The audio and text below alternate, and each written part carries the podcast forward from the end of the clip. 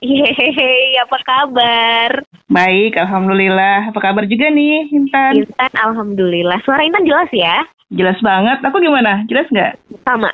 Oh, Jernih oke. banget. Kayaknya udah Oke. nyari tempat yang jangkauan Sinyalnya sinyalnya. oke. Ya, bener-bener. Mbak lagi sibuk apa nih sekarang?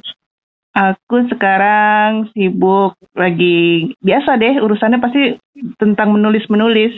Setiap hari menulis. Tiap hari menulis ya. Iya. Ada proyekan baru? Ah, akan coming soon ada sekarang lagi kan kemarin-kemarin aku nulis yang eh, genrenya horor-horor gitu ya. Iya, nah, betul. sekarang ini ada proyek baru romance lagi. Asik. Aku udah beberapa kali baca bukunya yang genre romance dan manis-manis banget sih. Iya. Rata-rata nggak sabar nunggu yang baru. Mbak Arumi, Ah, Mbak Arumi kan produktif banget ya. Karyanya udah banyak banget. Sampai sekarang juga terus konsisten nulis. Mungkin Hmm. bisa ceritain dulu ke sahabat kreatif. Gimana sih awalnya sampai jadi penulis? Hmm. Aku dari dulu emang jadi emang hobi nulis itu dari zaman SD. Wow. Nah, awalnya tuh karena hobi baca sih, karena aku Mhm. hobi baca dan dulu tuh bacaan pertamaku itu novel Lima Sekawan. Oke, Hmm, detektif. Ah, detektif jadi sering gara-gara baca itu jadi sering berkhayal ih jadi detektif cilik gitu. Oh. Terus akhirnya aku nulis khayalanku sendiri aku sebagai detektif cilik. Jadi itu dari zaman SD aku udah nulis di, di buku tulis gitu tuh. Oke. Aku udah nulis cerita kisahku gitu sampai akhirnya sampai SMP, SMA sel- aku selalu tertarik dengan kegiatan yang ada hubungannya dengan menulis gitu. Jadi kalau misalnya ikut ekstrakurikuler pasti milihnya yang ada hubungannya dengan nulis gitu. Apa ikut mading lah atau majalah sekolah atau apa pokoknya yang ada hubungannya dengan nulis gitu. Tapi waktu itu dari zaman SD udah mulai-mulai cerita eh, nulis cerita detektif itu, Hah? Mbak Rumi langsung kirim ke media atau disimpan sendiri ya? sendiri, simpan sendiri. Paling eh, ngirim puisi ke majalah Bobo gitu, tapi nggak pernah diterima, Oh. nggak pernah dimuat. Oke, aku juga dulu langganan majalah Bobo, Iya. Mbak. Heeh. jadi itu jadi suatu cita-cita terpendam yang baru terwujud bertahun-tahun kemudian. Aku akhirnya tulis cerpen anak gitu ya, dan akhirnya Oke. diterima, akhirnya diterima di majalah Bobo itu seneng banget gitu. Hah, setelah bertahun berpuluh-puluh eh, ber eh nggak berpuluh-puluh tahun sih, Berbelas berbelas-belas tahun. akhirnya Oke. terwujud juga gitu harapan masih ke- ketika impian ketika aku masih SD gitu bisa ada karyaku yang dimuat di majalah Bobo gitu. Wow, keren banget. Itu pencapaian banget zaman Heeh. kecil, karya Iya. masuk majalah Bobo tuh wah luar biasa banget deh. Itu kisaran SMP kelas berapa? Yang diterima di Bobo. Iya, bener. Oh itu bukan udah lewat maksudnya Udah eh, lewat. eh, eh, udah udah kerja malah udah kerja. Oh, oke. Eh, jadi itu jadi ibaratnya cita-citaku zaman kecil baru terwujud setelah aku kerja gitu. Setelah Tapi itu Heeh. Hmm, setelah aku bisa nulis dengan benar gitu kan. Karena selama itu tuh aku masih nulis yang cuma untuk kepentingan pribadi gitu kan. Sampai akhirnya pas eh, kuli kuliah lulus kuliah baru aku mulai nulis cerpen kirim ke majalah baru punya keberanian gitu. Wah, Hmm, luar terus- biasa. iya terus baru deh akhirnya mulai di- dimuat di majalah sampai akhirnya ada sekitar 60 cerpen deh dimuat di berbagai majalah. Dari cerpen remaja cerpen anak gitu cerpen dewasa macam-macam sampai Keren, akhirnya keren, keren. Oh, akhirnya pada tahun 2010 aku mulai berpikir kayaknya aku mesti ningkatin diri deh. Masa nulis cerpen terus sih gitu. Aku pengen nulis Mhm. novel gitu. Aku pengen Mulai nulis. dari tahun 2010. Heeh. Wow. itu udah mulai belajar kan kita nggak langsung bisa kan belajar dulu. Tadinya biasanya cerpen tuh cuma 6 halaman gitu kan. Sekarang eh, novel minimal 100 halaman. Itu kan suatu yang lompatan yang besar gitu kan.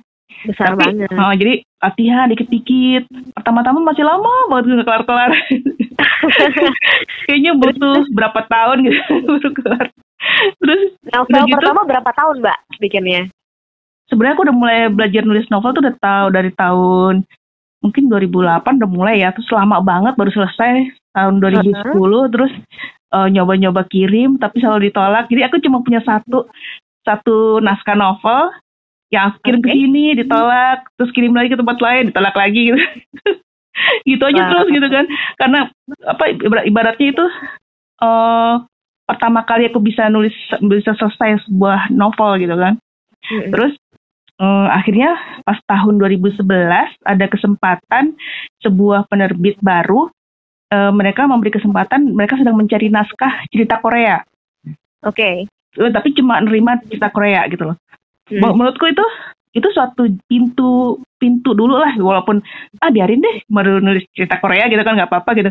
Yang penting aku bisa nembus ke toko buku lah gitu bukuku itu bisa dipajang di toko buku aku gitu jadi aku kirim tuh cerita Korea aku udah gitu emang kebetulan saat itu aku lagi hobi nonton film Korea jadi banyak banyak referensi banyak Hmm. pokoknya waktu itu lagi lagi pengetahuan tentang Korea aja lagi banyak deh gitu Iya. Oke oke. akhirnya kan diterima terima terus akhirnya terbit jadi novel dan waktu itu aku produktif banget setahun tuh bisa empat novel terbit gitu Empat novel terbit Heeh, setahun. iya, karena cepet. banget. cepet banget Heeh. emang lagi antusias antusiasnya dan emang lagi eh, penerbitnya juga ayo kirim lagi kirim lagi kirim lagi gitu kan tulis lagi kirim lagi gitu gitu Itu kayak penebusan dari zaman kecil suka nulis, Heeh. ditolak sekian kali, terus pas tiba datang momennya tuh langsung, wah langsung empat Heeh, kali terbit ya heeh. mbak. iya terus keren. akhirnya di penerbit itu tuh aku baca sampai 9 novel kayaknya dan itu saking banyaknya sampai akhirnya aku menarik mungkin maksudnya penerbit lain tuh merhatiin gitu kan tiba-tiba tiba-tiba penerbit lain eh ya, apa namanya kontak aku Em, nawarin aku untuk nulis di di mereka. Gitu jadi gitu akhirnya akhirnya dari mulai yang jadi itu benar-benar jadi pintu pembuka. Gara-gara itu jadi banyak penerbit yang yang lihat gitu. Ini siapa sih nih oh ini siapa sih nih novelnya banyak amat gitu. Novel di toko buku gitu. Akhirnya ditawarin waktu itu eh, Grasindo nawarin terus Gagas Media nawarin gitu. Oke, jadi gitu berarti udah lintas penerbit juga ya? uh, uh, terus akhirnya ya udah mulai sejak saat itu tadinya aku mulai uh, yang akhirnya semakin semangat gitu kan semakin semangat semakin ketagihan nulis akhirnya sampai sekarang nih nulis terus Wow, puluhan Um, tahun ya mbak? oh butuh waktunya puluhan tahun jadi aku nggak bisa kalau orang bilang eh, misalnya nanya tips nulis gitu kan Heeh. aku cuma ngasihnya tipsnya adalah banyak banyaklah nulis sering sering nulis dan banyak baca itu aja karena aku udah nulis dari SD Bener bener Iya. bener. aku maksudnya proses aku belajar sampai bisa jadi kayak tulisan aku seperti sekarang itu lama banget gitu kan dari SD mungkin dulu tulisannya masih jelek masih Mhm. masih pokoknya nggak enak dibaca gitu kan tapi pelan pelan aku perbaikin aku perbaikin perbaikin sampai akhirnya jadi seperti yang sekarang gitu itu emang bukan nggak instan prosesnya Panjang bertahun-tahun banget, Eh, panjang banget panjang banget perjalanannya. Heeh. Jadi sebenarnya tuh modalnya cuma dua ya mbak ya. Mm, Rajin nulis, rajin baca. iya karena baca itu adalah sumber wawasan kita nambah wawasan penulis kan jadi penulis gak bisa cuma ngayal doang apalagi penulis novel misalnya ya. mereka berpikir nul- nulis novel itu mikir karena fiksi imajinasi ya udah kita ngarang aja cukup nggak perlu nggak bu- apa namanya nggak cukup. Kita harus banyak membaca. Dengan membaca itu kita jadi tahu eh, nambah kosakata yang kita tahu kan. Misalnya kita Oke. baca ih ada kata-kata ini nih bagus nih. Bisa kita simpen gitu loh. Hal-hal kayak gitu. Misalnya jadi membaca itu penting. Jadi dulu aku tuh hobi, hobi banget baca. Kerjaannya minjem novel minjem novel di mana-mana pokoknya. Kayaknya setiap ada tempat penyewaan novel tuh aku minjem Sangat excited sama buku ya mbak. Oh, pokoknya emang excited sama buku gitu Aku boleh terima pertanyaan juga dari sahabat kreatif nggak kalau ada yang Boleh. pengen interaksi malam ini? Nah, Iya, kalau boleh. misalnya boleh ya. Ah, Kalau sahabat kreatif pengen gabungan, boleh ya nanti kirim SMS atau WhatsApp ke 0811 7322 330 kali ada yang udah pernah baca bukunya Mbak Arumi atau mungkin pengen nanya-nanya langsung malam hari ini silahkan. Mbak Arumi, mm, kalau eh, mau jadi penulis itu sebenarnya kita harus ngambil jurusan sekolah yang sesuai nggak sih? Misalnya harus ngambil sastra atau yang berhubungan sama dunia tulis menulis kayak gitu atau mungkin background pendidikannya boleh aja beda. oh, boleh kok apa kalau menurut pengalamanku ya aku sendiri Ah. eh, kuliahnya dulu arsitektur akhirnya oh, sekarang- Rumi arsitektur. Oh, oh. Jadi aku sempet kerja gitu. Dulu zaman zaman masih kerja tuh yang aku cuma mampu nulis cerpen. Karena kan sibuk banget kan. Susah Hmm. untuk untuk membagi membagi fokus antara kerjaan dengan hobiku nulis. Dulu masih hobi gitu. Nulis itu masih hobi. Jadi ya cerpen-cerpen gitu kan. Sampai akhirnya suatu saat eh, kebetulan kantorku itu eh, ada masalah gitu kan. Akhirnya Mhm. eh, eh, bubar gitu. Terus aku tuh yang males ah males aja jadi pegawai lagi gitu oh gitu. tahun 2010 itu aku akhirnya memulai karirku jadi penulis novel. Jadi dari, dari yang awal banget yang pelan-pelan yang yang masih masih belajar gitu kan sampai hmm. akhirnya sekarang sekarang itu ibaratnya kalau sekarang ini aku uh, jujur aja nih ya aku biasanya dapat tawaran nulis dari penerbit. Jadi penerbit yang minta aku nulis gitu. Hmm. dulu dulu ketika aku masih awal-awal memulai karir menulis aku yang ngirim naskah ke mereka. Menawarkan diri. Oh, menawarkan naskah. Aku dan ditolak. Naskah ditolak. Kalau sekarang hmm, mereka yang nawarin aku nulis gitu. Sekarang Mbak dicariin. Nah, kayak yang kayak kemarin yang Ronggeng pembalasan Sulasri itu penerbit deh yang ngubungin aku, kamu bisa nggak nulis cerita gini gini gini gitu kan? Oke, okay, langsung oke okay, kan, kayak gitu gitu jadi seperti itu banyak mulai dari Grasindo, Gagas Media yang Monte Carlo udah baca belum? Aku udah. Hmm, itu juga gitu Gagas Media ngubungin aku, kamu mau nggak ikutan nulis nulis di seri ini gitu, kayak gitu. Jadi uh, memang awalnya itu berat. Tapi ketika kita udah berhasil melewati, udah berhasil membuka pintu, gitu kan seorang penulis udah berhasil membuka pintu, maka setelah beberapa uh, beberapa penerbit melihat hasil karya kita, mereka yang akan datang gitu. Mereka yang akan datang menawarkan supaya untuk terbit di tempat mereka gitu. Oke. Okay. Tapi Baru tanggung jawab, tapi, tanggung jawabnya juga berat. Kita harus komit dengan, misalnya kita ditawarin nih, misalnya kamu bisa nggak selesai dalam dua bulan? Harus benar bisa gitu, jangan ternyata nggak nggak sesuai target gitu misalnya nggak kelar kelar ya udah karena kan akhirnya nggak dapat nggak dapat proyek lagi kan gitu kepercayaan orang juga lepas ya mbak. Iya. Yeah. Tapi itu kan perjalanan yang panjang banget dan gak semua orang bisa sabar seperti oh, itu ya kan. Iya, Nunggu yeah, 10 tahun sampai hmm. bisa mencicipi manisnya income dari menulis kan nggak semua orang kayaknya mampu. Oh, Apa yang waktu itu bikin Mbak Arumi yakin banget kayaknya nulis itu emang udah uh, jangan ninjanya Mbak Arumi deh, nggak lirik-lirik profesi yang lain. Memang hmm. yakin banget kalau peluang kerjanya bakal oke okay, atau seperti apa?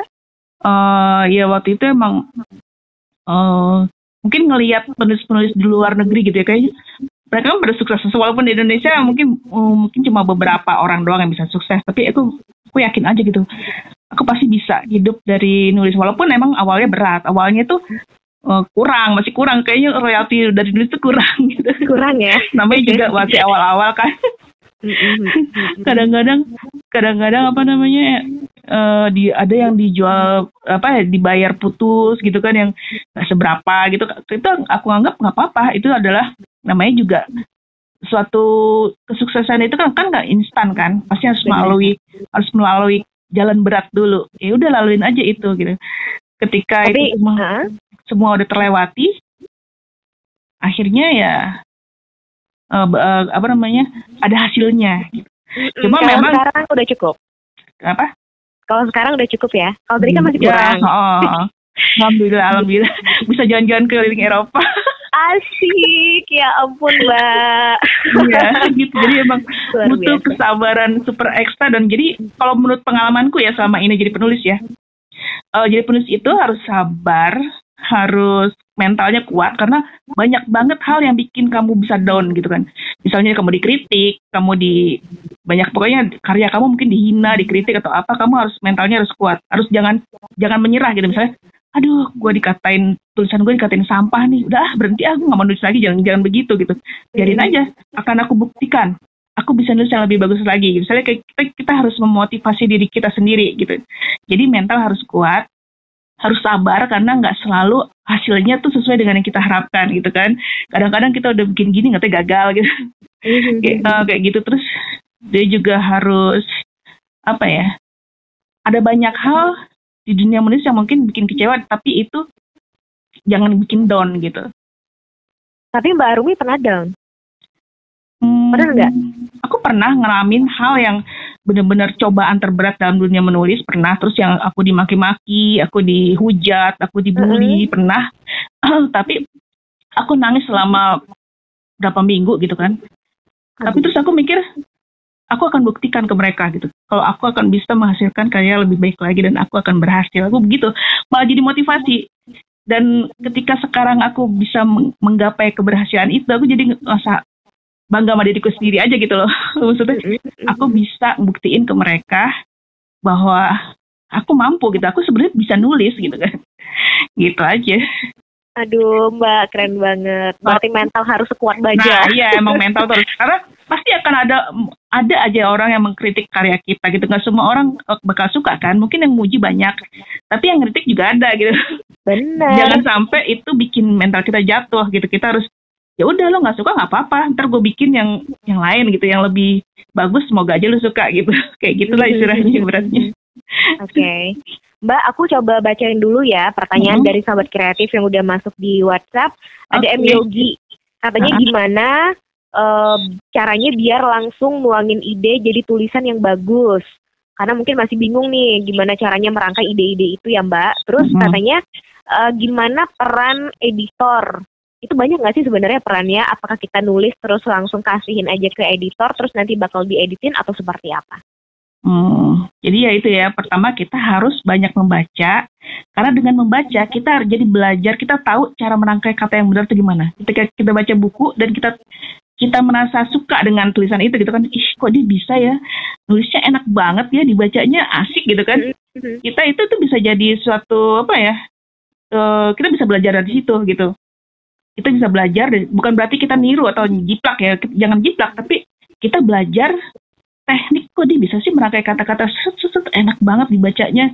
Kita tertarik gitu kita kita terhanyut kita tertarik. Jadi emang suatu menulis itu emang proses latihan yang lama gitu. Nggak nggak mungkin kita nulis sekali sekali nulis terus langsung bagus gitu. Nggak mungkin. Pasti kita ya mungkin pertamanya jelek banget ya nggak enak dibaca. Jadi uh, kita sendiri yang jadi uh, apa ya merasakan tulisan kita ketika kita baca ketika kita rajin baca kita tahu kan tulisan yang bagus kayak gimana kan.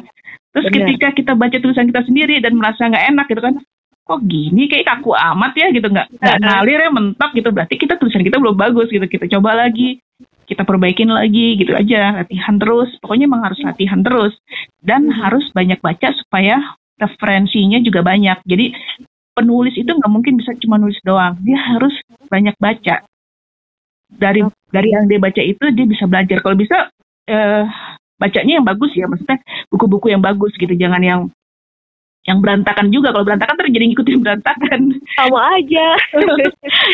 Oh, gitu. Terus tadi apa? Yang kedua? Uh, peran penerbit uh, oh, editor peran editor ya. Segede apa? Hmm, editor biasanya kalau pengalamanku sih dia bisa editor itu bisa melihat sesuatu yang nggak nggak kita lihat. Misalnya ada plot yang bolong gitu. Dia tahu ini kok gini ya? Ini kan harus bukannya ini tadi begini gitu kan. Dia ngasih tahu kita oh iya kita baru sadar gitu. Kadang-kadang kita nggak sadar. Ketika kita nulis kita nggak sadar bahwa ada yang nggak sinkron gitu kan. Misalnya bab satu sama bab lima nggak sinkron nah editor bisa ngeliat itu karena dia pihak pihak di luar kita gitu kan yang melihat mereview naskah kita. Itu di situ editor memberi masukan di situ ntar kita perbaikin gitu. Dia cuma ngasih pemasukan aja sih. Jadi okay. dia ngasih catatan ya ngasih catatan misalnya ini kok gini ya? Di bab ini begini gitu kan. Terus kita benerin kayak gitu. Atau misalnya editor ngasih masukan ini kayaknya terlalu datar deh. Coba deh kamu tambahin uh, adegannya tuh gini-gini uh, apa adegan yang lebih romantis lagi misalnya gitu kan. Nah kita kita sendiri yang nulis tapi editor ngasih masukan kayak gitu Oh, editor okay, kayak gitu. Okay, oh, okay. Jadi biar lebih cakep, lebih oh, sinkron, bab-babnya yeah. nyambung. Jadi udah nggak gitu ada ya, yang bolong-bolong, nggak ada plot-plot yang bolong, nggak ada. Jadi enak banget gitu kan dari awal bab satu sampai ending tuh enak gitu. Mm-hmm. kayak gitu. Tapi kalau urusan gaya tulisan itu mah balik lagi ke penulisnya ya nggak ada editor nggak nggak nggak mengganggu soal soal gaya tulisan sih karena setiap penulis punya ciri khasnya masing-masing. Editor nggak nggak nggak membahas soal itu. Dia biasanya tentang plot tentang apa namanya nambahin. Misalnya ini adegannya kurang ini misalnya, misalnya aku cerita horor gitu kan. Kayaknya kurang kurang serem deh di bagian ini. Coba deh ditambahin seremin lagi saya gitu. Kayak gitu. Oke okay, okay. Um, aku bakal ini siapa nih? Aduh, pertanyaan ini banyak banget. Gak apa ya? Aduh, yeah, pertanyaan dari Laila di Seluma. Makasih banyak loh udah gabungan. Mm-hmm. Katanya luar biasa pokoknya Jalan Ninja Mbak Rumi. Mau tanya dong, gimana bagi waktu antara nulis sama kegiatan lain? Ah, itu dulu deh. Jawab satu-satu dulu Mbak, nanti lupa. Hmm. Uh-uh. Kegiatan lain ya. Berarti ya apa? Biasanya aku punya jadwal sih. Jadi uh, kayak kerja kantoran walaupun aku ngerjain tulisan tulisan di rumah gitu ya. Tapi aku bikin mendisiplinkan diriku sendiri. Misalnya aku ngerjain beres apa, kerjaan apa gitu, urusan apa. Nanti kalau udah jam 9 atau jam 10 aku harus siapin tuh laptop gitu udah di depan laptop siap untuk mulai kerja gitu. Oke. Okay. Kayak gitu. Terus sampai jam 5 jadi jam jam 12 istirahat. Sampai jam uh -huh. 1 atau jam 2 terus lanjut lagi sampai jam 5 selesai laptop dimatiin udah kelar. Jadi kok kayak orang kantoran aja gitu. Dari 8 ke 5 ya? Uh, Pokoknya laptop tuh nyalanya dari jam 8 sampai jam 5 sore ya udah gitu aja. Kalau udah malam aku nggak nyalain laptop udah nggak kecuali ya kecuali ada deadline yang ketat banget yang harus selesai dua hari lagi misalnya terpaksa atau ke begadang tuh sampai malam gitu. Tapi kalau misalnya uh, deadline yang masih jauh, ya udah aku gitu aja tiap hari. Jadi polanya seperti itu. Uh, gitu. Terus jadi aku masih bisa ngerjain-ngerjain yang lain gitu kan. Bisa uh -huh. di antara itu masih bisa ngerjain yang lain. Ada waktu istirahat itu pokoknya kayak orang kerja lah jam 8, ntar jam 12 istirahat, ntar jam 2 lanjut lagi gitu sampai jam 5 selesai gitu. Oke, okay. gitu. jadi walaupun sebenarnya bisa kapan aja, uh -uh. bikin pola sendiri aja ya Mbak uh -uh. ya. Sesuai uh -uh. ke kita kadang-kadang harus memotivasi diri kita sendiri. Kadang-kadang kan emang tulis itu mentang-mentang cuma uh, di rumah aja gitu misalnya kerjaannya di rumah aja tapi terus jadi nggak disiplin akhirnya ngaco gitu kan. Mm -hmm. Kita harus bikin memotivasi diri kita sendiri. Pokoknya gue harus bisa nih, gue harus selesai atau harus apa gitu kan walaupun kadang-kadang aku nggak harus nggak begitu terus kadang-kadang ketika aku lagi nyari data gitu apalagi uh-huh. sekarang kan uh, handphone kan semua akses informasi bisa dipakai handphone kan misalnya dalam seminggu tuh aku nggak buka laptop bisa jadi aku cuma baca-baca dari dari handphone kerjanya cuma baca di handphone gitu. uh-huh. data googling googling kayak gitu gitu yang ngumpulin data-data dulu ngumpulin data jadi kalau tapi, misalnya tapi kan itu bermanfaat juga mbak. Uh, jadi nggak ngosong-ngosong juga kan? Uh, jadi dari data riset. Uh, jadi maksudnya nggak harus selalu laptop selalu nyala gitu, nggak nggak harus juga. Jadi ketika laptop itu nyala ketika emang kita udah siap untuk um, um, mengetik gitu. Semua bahan udah terkumpul, ceritanya kita udah tahu plotnya seperti apa, baru buka laptop ngetik gitu. Tapi kalau masih masih dalam proses mengumpulkan data itu bisa lewat mana aja, bisa lewat handphone, bisa lewat mana gitu. gitu. Kalau aku sih gitu. Ya. Jadi gitu ya untuk Laila tadi pertanyaan pertama udah dijawab. Kita ke pertanyaan kedua. Oh, banyak ya pertanyaannya. Iya, katanya gimana bisa uh, menargetkan menulis misalnya hmm. satu tahun kelar satu buku. Gimana tuh Mbak? Hmm, iya kalau itu sih emang target aku ya. Minimal satu tahun terbit satu buku. Kalau bisa kalau bisa sih dua. Tapi minimal paling minimal tuh satu deh. Jangan sampai setahun itu kosong gitu. Ya sampai. Jadi ya ya emang harus harus nulis gitu. Harus uh, harus nulis dan harus menghasilkan karya dalam setahun. Uh, kayak gitu. Dan biasanya kalau misalnya aku dapat tugas dari penerbit itu lebih aku malah lebih seneng karena mereka ngasih deadline misalnya dua bulan kelar gitu kan. Oh udah kita kan harus harus benar-benar komit sama sama janji kita gitu. Jangan sampai telat gitu. Kalau karena kalau telat nilai kita jadi buruk kan di mata mereka gitu kan. Ah kamu iya. dikasih tugas kayak gitu nggak beres gitu. Kayak gitu. Oh. tapi ketika kita bisa tepat waktu selesai dan hasilnya memuaskan itu kayaknya seneng banget. Kayak kemarin tuh yang ronggeng pembalasan sulastri itu aku cuma dikasih waktu dua bulan.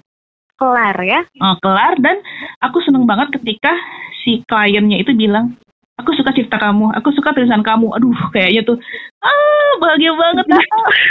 Maksudnya aku bisa memenuhi ekspektasi dia gitu dan dan akhirnya apa? Akibatnya apa? aku dapat job lagi.